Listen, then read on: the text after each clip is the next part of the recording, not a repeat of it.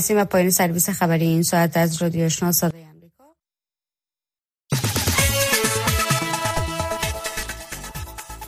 دا واشنگتن دی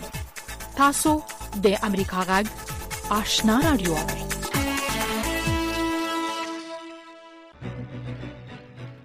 السلام علیکم درنو اوریدونکو زه برېښنا عمر خیل یم تاسو د امریکا غږ آشنا رادیو خبری خبرونه اورئ د خبرونه په پایل کې د دې ساعت د افغانستان سیمه او نړۍ مهم خبرونه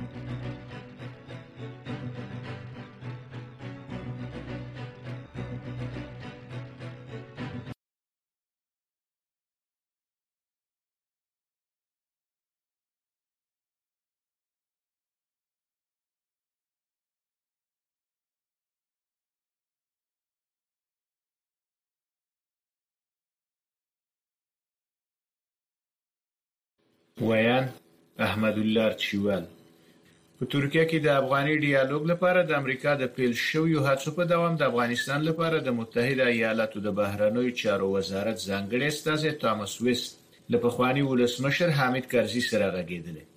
ویست تېره شپه په خپله ټویټرپاڼه د دې ټیلیفوني اړیکې جزییات خپاره کړي او لیکلي دي،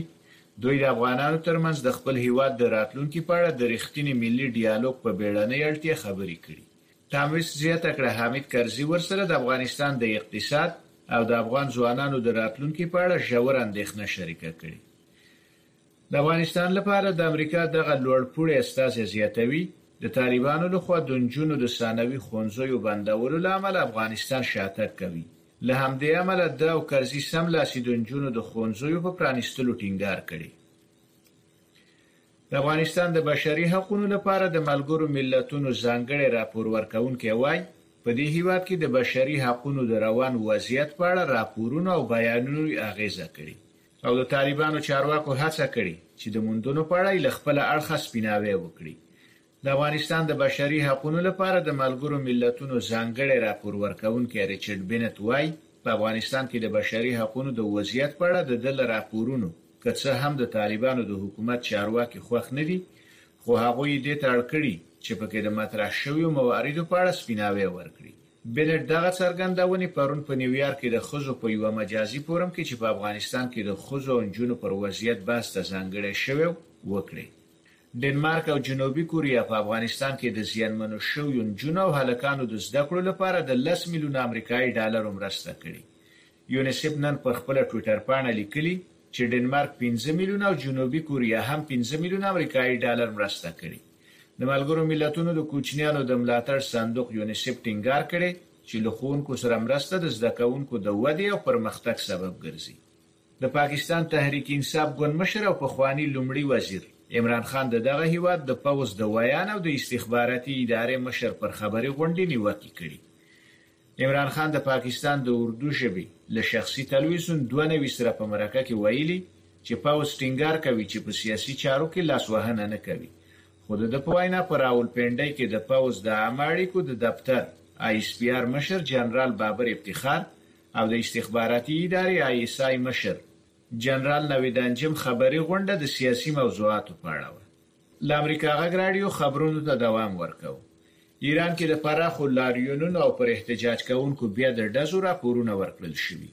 د انټرسپټ په نوم د یوه امریکايي میشتې خپرندویه بنسټ څېړنې ښيي، چې د ایران امنیتي ځواکونه احتجاج کوونکي د هغوی د موبایلونو له لارې څاري، ځای ځایګی یې معلوموي او نیسي. دغه خپرندویه بنسټ وايي، ښايي احتجاج کوونکي به حیران وي چې څنګه یې پولیس پټنځی او یا جغرافیایي ځای ځایګی پیدا کوي او د دوی د اړیکو په اړه هم ټول معلومات ترلاسه کوي.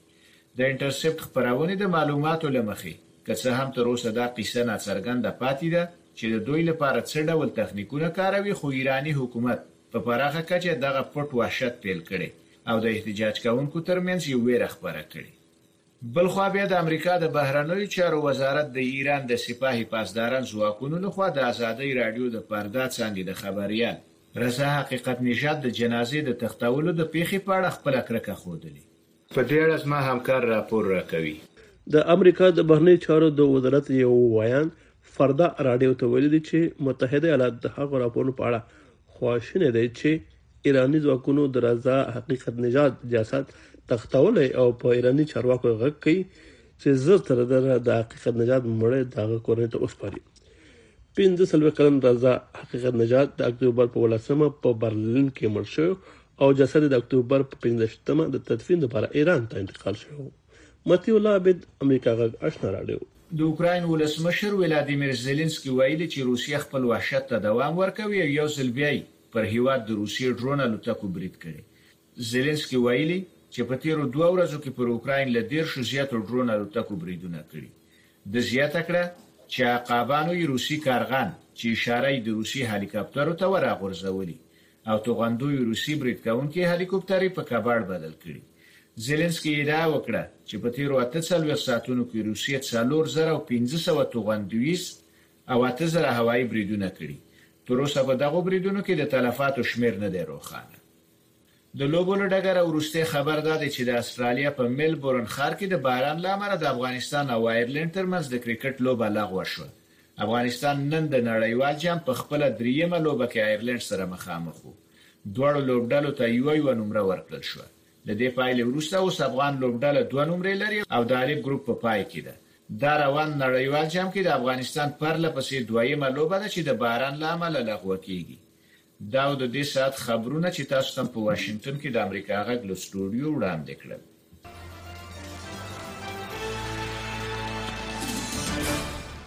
تاسو د افغانستان سیمه او نړۍ خبرونه واوریدل اوس د دې خبرونه لومړی مطلب توماس وست یو ځل بیا ویلي چې د افغانستان د راتلونکو په اړه باید په واقعي بڼه د افغانانو ترمنځ په ملي کچه خبرې پیل شي توماس ویست د پخوانی جمهور رئیس حامد کرزي سره په ټلیفوني خبرو کې د طالبانو له حکومت غوښتي چې په خپل ژمنو عمل وکړي د سیاسي چارو ځینې افغان کارپوهان وایي چې د روان وضعیت څخه د وټلو لپاره تر ټولو غوره لار د افغانانو ترمنځ په ملي کچه خبرې دي پام وکړئ په دې اړه د کابل څخه د امریکا غږ آشنا رادیو د خبريال اکرام شینواری دی رپورت ته افغانستان لپاره د امریکا د متحده ایالاتو ځانګړي استازي توماس ویس د پخواني جمهور رئیس حامد کرزي سره د پنځشنبې د ورځې ناوخته په ټلیفوني خبرو کې د راتلونکي افغانستان لپاره د افغانانو ترمنځ په ملي کچه د خبرو د پیلېدو په اړتیا د انجونو د تړل شوو ښوونځیو او د ښځو د حقونو پر مسله او هم د دغه هیواد د اقتصادي وضعیت په اړه خبرې کړي ښاغلي ویس د خپل ټویټر په پاڼه لیکلي چې د افغانستان د راتلونکي په اړه باید په واقعي بڼه د افغانانو ترمنځ په ملي کچه خبرې پیل شي همدارنګه توماس ویس افغانانو سره د بشري مرستو په دوام ټینګار کړی او د طالبانو له حکومت غوښتي چې د مرستې رسونې په چارو کې دی لاسوهنه کمه کړي د افغانستان د پخوانی جمهوریت رئیس حمید کرزي دفتر هم په ویلامه کې ویلي چې په دې ټلیفوني خبرو کې خغلی کرزي د افغانستان د ثبات د ټینګښت لپاره د بین الافغاني خبرو پړتیا ټینګار کړي همداشان خغلی کرزي د انجونو تړل شو خو په پرانیستلو هم ټینګار کړي د سیاسي چارو یو افغان کارپو طارق فرهادي وایي چې افغانستان لپاره د امریکا د متحده ایالاتو دغه لوړپوړي چارواکي باید د طالبان د مشرانو سره په دې مسله خبرې وکړي ترڅو هغوی دغه خبرو لپاره چمتو کیدو ته وهڅوي که های توماس وست به یک دکتر میمونه ښاغلي فرهادي ویل د توماس وست څرګندونې د یو ډاکټر نسخې ته ورته دي په داسې حال کې چې نسخه یې لیکلې ده خو په خپل یې لوستې نشي خوندنه میتونه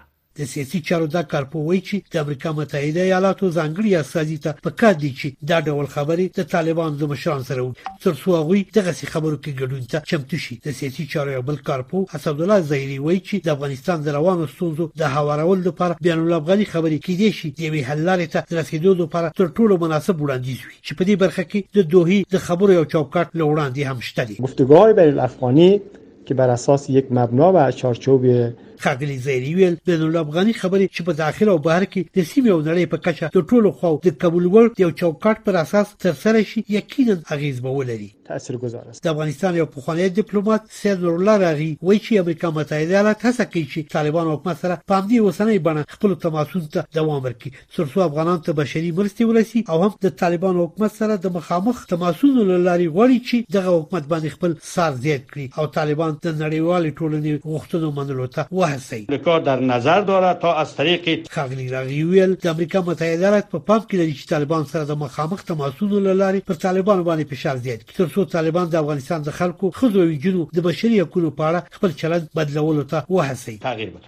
طالبان حکومت د توماس ویت څرګندونو په اړه تر اوسه څه نه دی ویلي خو د طالبانو د بهرنی چارو وزارت تل ویلي چې د طالبانو د حکومت دروازې د ټولو افغانانو پر مخ پرانیستې دي او طالبان چمتو دي چې افغان سیاسیونو سره دننه په هیواد کې په ټولو مسلو خبرې او وړاندیزونه یې واوري د امریکا غږ د آشنا رادیو په خپلو بیلو بیلو خبرونو کې د نړۍ د ګډ ګډ او د افغانستان په باب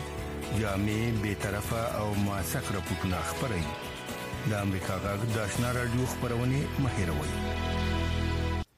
تاسو د امریکا غږ آشنا رادیو نه زموږ غږ اورئ د افغانستان د بشري وضعیت په چارو کې د ملګرو ملتونو ځانګړی راپور ورکونکي ریچارډ بنت وایي چې د افغان میرمنو او نجونو د حقوقو اوسنۍ شاتګ ممکن د افغانستان په تاریخ کې بې ساري وي ښاغلي بنت په ملګرو ملتونو کې یوې غونډې ته ویلي چې څه باندې 400 ورځې وشوي چې له شپږم ټولګي پورته نجونې ښوونځي ته نه ځي او افغان مېرمنې په پراخ ډول له کار، ټولنیز، اقتصادي او سیاسي ژوند څخه بې برخې شوې دي. خو طالبان وایي چې د ملګرو ملتونو ځینې راپور ورکوونکي د ادعاګانو پر بنسټ راپورونه جوړوي. د افغانستان د بشري وضعیت په اړه د ملګرو ملتونو ځانګړي راپور ورکونکي ریچارډ میټ وایي افغان مېرمنو د هیواد په تاریخ کې په بې سره توګه شاتګ کړی دی خغل بنټ وایي د تیرو شلو کلونو لاسترونو ته په کتو دا شاتګ تر هغه شاتګ لوی دی چې افغان مېرمنو او جنو په 1990 میلادي کال کې تجربه کړې وو هغه کال چې طالبان د لومړي ځل لپاره واک ته ورسېدل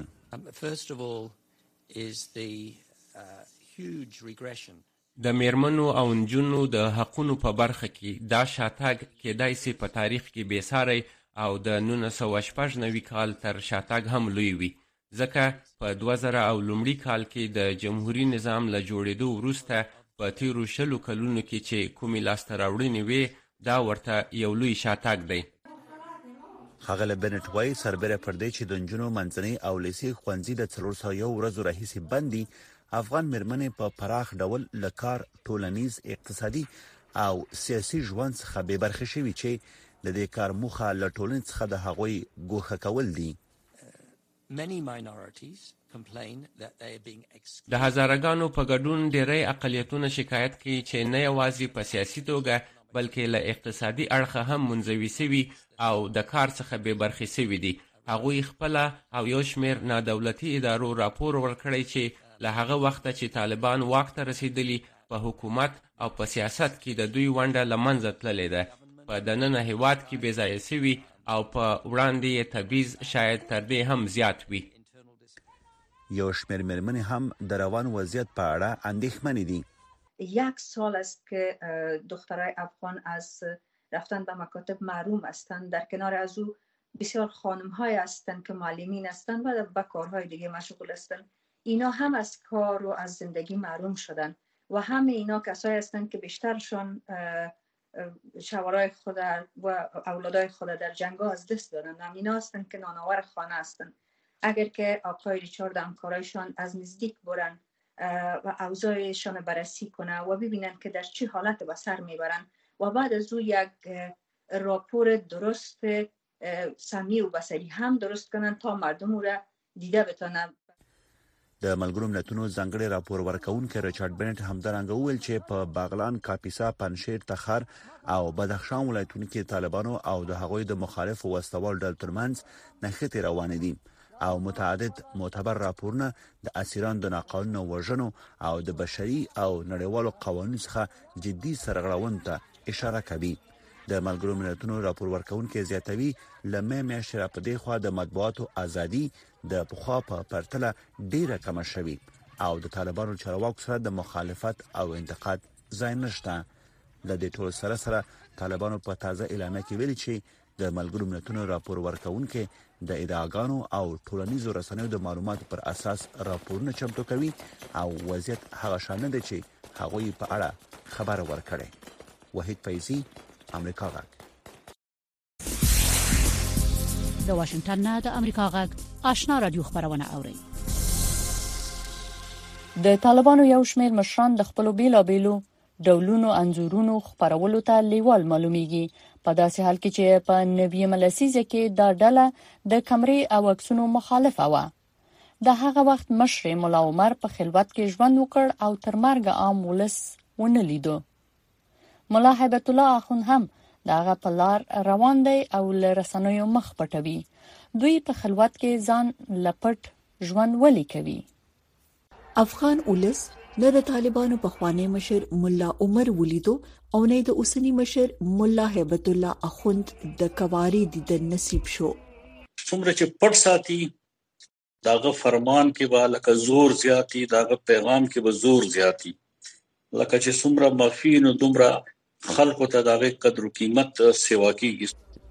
د رواني علومو ماهرین د یو مشر ولس ته ځان نخکاره کول او یا په خلوت کې پټ ژوند کول ته څنګه ګوري یوازې ژوند کول ناروغي نه ده خو د رواني ناروغي یو علت کېدای شي چې یوازې ژوند کول وي نو یا کېدای شي چې د ځان په اړه ښه احساسات نه لرل او یا هم بل علت امنیت کېدای شي ځینې غواړي چې په دغه ډول سره دوی خلکو کې د ځان په اړه تجسس ساتل یعنی دا چې ځان پر ازونو کې پټ ساتل غواړي د امریکا د موسیقۍ بیساره هنرمند مايكل جکسن هم د ماشوم سره د جنسي اړیکو په یو قضیه کې د برات وروسته یوازې جون تیرول غوړه کړی وو ځینې نور مشهور خلک هم شته چې یوازې جون دی تیر کړي خو د عصري میډیا په دې زمانه کې ولسي مشران د ولس منځ ته ځي او هڅه کوي ځانونه د ولس لمنځه او د ولسونو لپاره معرفي کړي طالبان د ولس سره د مشر نږدې کېدل مهم نه ګڼي که آیا دا دومره سرنوشت سازه مسایل دي چې زموږ د هیواد هغه لوی ستونزې چې دین سره تړلې دي څه معنا یو څوک راښکاره شي میډیا کې مخ راخاره شي یا سره راخاره شي د ورسره څنګه حل شي کله چې بیا دا خبره پر ځای ده په میډیا کې د مولا عمر زیاتره یو عکس تر اوسه خودل کیږي او ریپورتونه وایي چې مولا هیبت الله اخوند نږدې دوه ځله ښکار شوی ویل کیږي یو ځل چې وینا کوله نو خلکو ته شاکړی و اگر یک لیډر ہے یوازې ژوند کول د یو مشر صفت نشي کېدای د مشر صفت دا دی چې د خپل فکر خورولو لپاره اولس سره ویني که فکر یې خوي او کبد هغه به ځان ښکار کوي په خلوت کې د ژوند تیرولو نه طالبان مشران څه ګټه اخیستلی شي دی لکه د دې بیا د دې کوم پولیټیکل پاور یا مذهبي کو طاقت چې دی نو په دې شکل سره دا حاصلول غواړي که ځکه که دا راځي او پنکیږي او ډیسکشن لاندې راځي او تفوسونه کیږي متنازع کیږي نو د دې کوم هغه زور دی هغه مذهبي زور شو یا سیاسي زور شو یا طاقت شو او هغه شانتي نه پاتې کیږي زما خیال دی چې دی دغه مذهبي او سیاسي قوت ساتلو لپاره دا لکه یعنی په پراپر منصوبمندۍ باندې د دا ارڅ کوي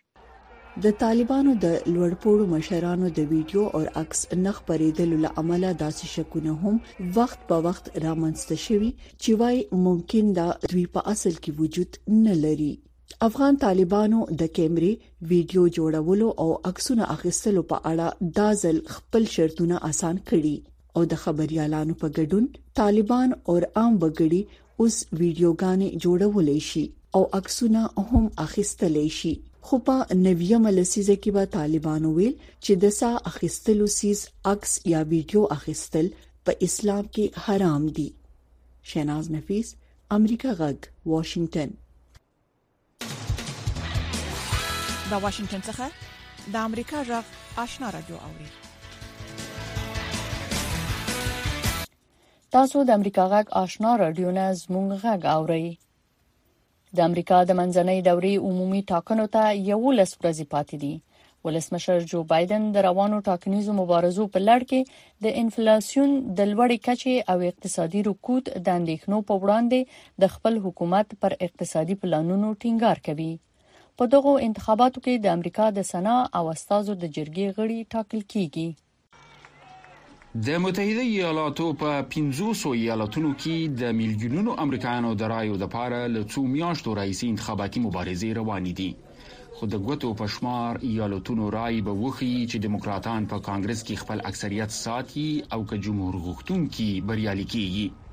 پنسلوانیا د همدې ایالتونو له جملې څخه ده چې ولسمشر بایډن د خپل ګوند په ملاتړ مبارزه پکې کوي په سنا کې د څوکۍ لپاره په دغه ایالت کې دیموکرات کاندید جان فررمن د پخوانی ولسمشر ترامپ د ملاتړي ډاکټر محمد آز په وړاندې مبارزه کوي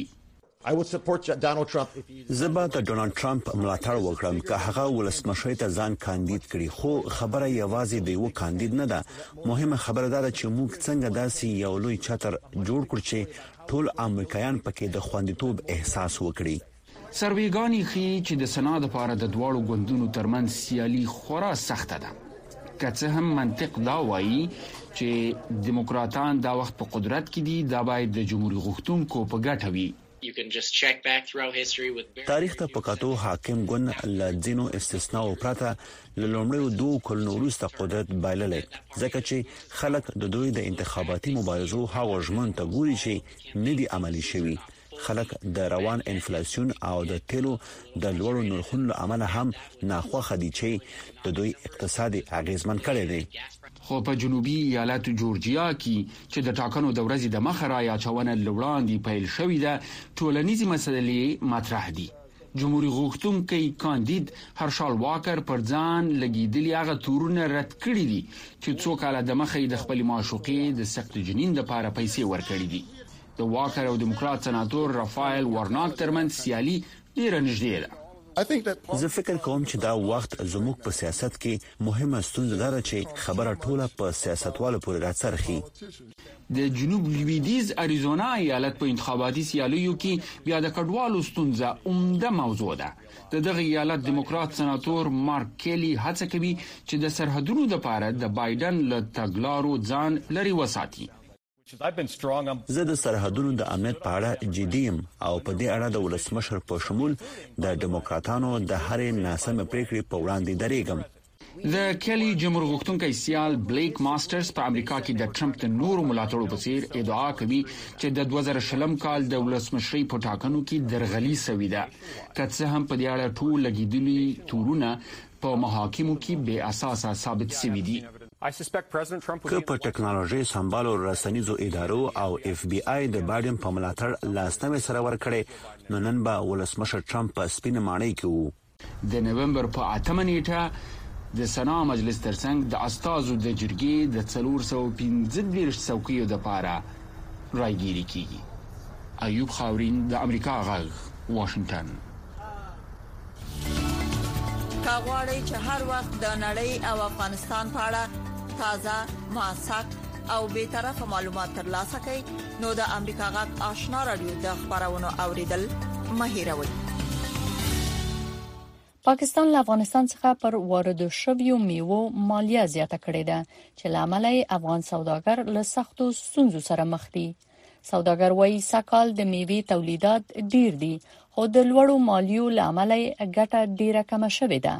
ځکه چې د پاکستان دولت پرې مالیه زیاته کړې ده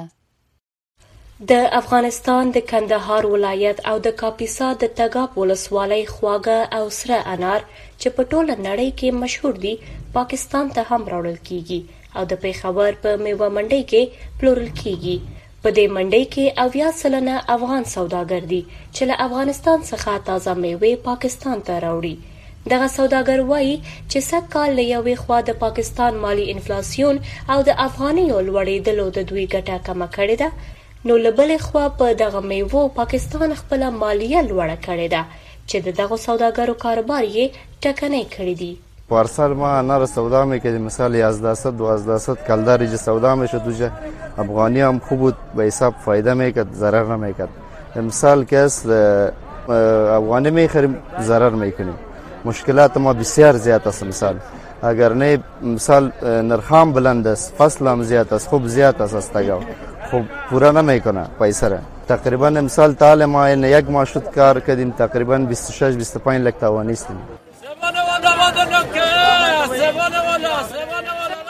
دغه راز په دې منډۍ کې د مړو افغان سوداګر هم د لوړو مالیاتو له امله سر ټکوي دوی وایي پاکستان له دوی څخه په هر ټن کې یو کم شپېته زره مالیه اخلي چې له امله هیڅ ګټه ورته نه کیږي خو دوی اړ دي چې په ټیټه بیه مڼې وپلوري ځکه چې د دوی محصولات خرابیږي داسې کار دی چې پروس کال یې څلېرویشت زره روپۍ ټن و څه کال یې یو کم شپېته زره روپۍ ټن دی دا موږ ته پریوځي په یولس سوه دلته موږ خرڅو کله په زر کله په نهه سوه په دغه حساب یې موږ خرڅو دا تاوان په دې کوي چې ټیکس ډېر زیات دی او بل مین خبره دا افغانۍ هلته ګرانې دي په کلدارو چې موږ راواړو ارزانې شي موږ دغه نقصان سره ډیر مخامخ یو سیوانو مسله دا ده چې ټیکس په زیات دی یو کم شپېته روپۍ په دې ټیکس دی دا یو شاپر باندې ساړه چار سو روپۍ ټیکس راځي دا واره نه کوي دې باندې چې ساړه چې لږ روپۍ په دې ګاډي راغلي دي چار سو نه کې نسخان کوي پیدا نه کوي د پاک افغان ګډې خونې مرستیال فیض محمد فیضي بیا وایي پاکستان د خپلو اقتصادي اړتیاو په نظر کې نیولو سره له درملو او تېلو پرته پر ټولو غیر ضروري توکو مالیه زیاته کړې ده. وايي دا مالیه د ایراني مېوو په پرتله ډېره کمه ده، ځکه چې پاکستان د ایران څخه د مېوو په هر ټن کې یو لکه پنځلس زره روپۍ مالیه اخلي. موسکا ساپۍ امریکا غږ پېښور د امریکا غږ آشنا رادیو د خبرو اترو په پروګرام کې د افغانستان سیمې او نړۍ په اړه د تازه پیښو تفصیل او تبصرې واورئ رحیم صدیقی د افغانستان د کرکټ د ملي لوبډلې سوپر فن یا تر ټولو سرسخت مینوال بلل کیږي جعفر هاند ورسره خبرې کړې دي او دا راپور چمتو کړی دی زه رحیم صدیقي د افغانستان د ننګرهار د خوګیاړو د وزیر اوسیدونکی یم. په ننګرهار کې زیږیدلی د افغانستان د کرکټ تر ټولو سرسخت مینوال رحیم صدیقي دا مهال په استرالیا کې د کرکټ په نړیوال جام کې د افغانستان د ملي لوبډلې د تشویق لپاره راغلی دی. دی وایي چې په لومړي ځل یې په دوه زره دیارلس کې په پاکستان کې په سیالیو کې د افغانستان د کرکټ ملي لوبډله تشویق کړه او دا سفر یې له هماغه ځای څخه راپیل شوی دی. په اول سر کې د ما کرکټ خوښېدو هم نه خو زما یو ترور زوی دی دلته اصلې کې اوسېږي نو هغه به کرکټ را راولو خو زما د نه ډېر زیات نفرت کېدلو بیا هغه زه پوه کړلم دا کرکټ لوبه چې کله یو هیواد وګټي نو هغه د هیواد هغه پیسه جیږي هغه هیواد پرمختګ کوي نو ما کې بیا یو احساس پیدا شو نو کله چې بیا ما د پاکستان هغه کرکټ چاچا ولیدلو نو ما کې نور جذبه هم پیدا شوله چې کش کې زه هم داسې شم د افغانستان کرکټ بورډ تیر کال هغه ته د سوپر فین رسمي لقب ورکړ په نیوزیلند کې میشت رحیم صدیقي وایي چې له افغان کرکټ سره یې لیونۍ مینه په لرو وطنونو ګرځوي ولا د انډیا شوله دلته نیوزیلند شو استرالیا شو یورپ شو بنگلادیش او دا سرلینکا انډیا دوبۍ هیوادونه مې ډیر زیات هیوادونه مې وکتل او په آینده کې نور هیوادونه هم ان شاءالله ګورم. رحیم صدیقي د افغان لوبډلې هرې رسمي لوبې ته په بدن باندې د افغانستان ملي بیرغ رنګوي او بیا ټوله ورځ په میدان کې بیرغ په لاس چیغې وهي او افغان لوبغاړي تشویقوي. هغه وايي، هر ځل چې په ځان باندې بیرغ رسموي، د ډاکټر په سپارښتنه یو ډول پيچکاري هم کوي چې پوټکی یې خراب نه شي. ما پیغام ورکړی دی چې د افغانستان لوبډله یوازې د دې لپاره نه ده راغلې چې په ټي ټوېنټي کې صرف ګډون وکړي، د دې لپاره راغلې ده چې ټي ټوېنټي ورلډ کپ وګټي. د افغانستان د کرکټ دغه سرسخت مینه وال وايي چې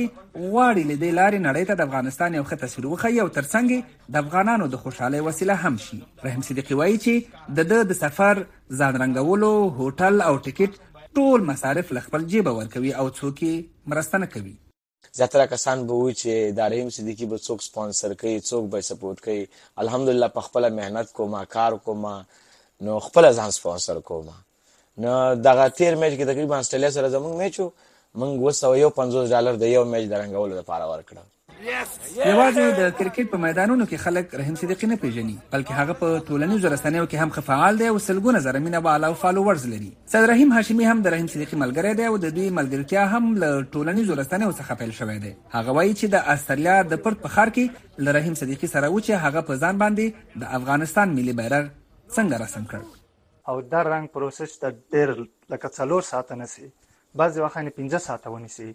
او دا ډېر سخت خارښ لري ما صرف په مخ باندې موږلی و او زما مخ دونه خارښ کاوه چې لاس مې وراچولو راس مې نشو وراچوله.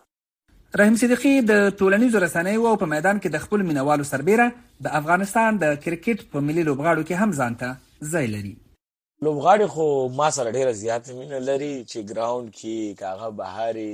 ډیر زیات ویاړ کوي را باندې